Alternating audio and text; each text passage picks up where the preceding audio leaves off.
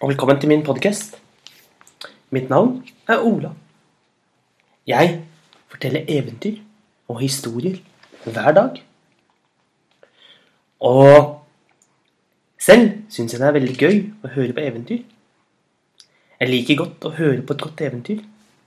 Og det tror jeg også du gjør, siden du er her i dag.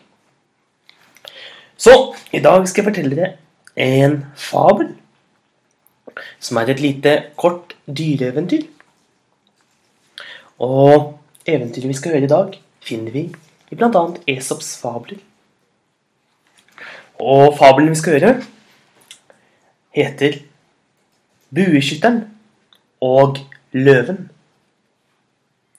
Det var en gang en jeger. Han jaktet med bue. Han var en dyktig bueskytter som kunne treffe blink når han ønsket. Han, han hadde gått oppe til fjellene for å gå på jakt.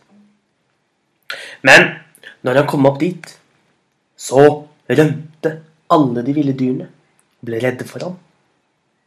Alle unntatt ett dyr. Midt på sletten sto det en løve. Den viste tenner, trakk fram klørne sine og viste tydelig at den var klar til å gå i kamp mot mannen. Mannen la en pil på buen sin, siktet. Så skjøt han. Bilen fløy gjennom luften og traff løven rett inn i siden av magen. Så ropte, ropte bueskytteren.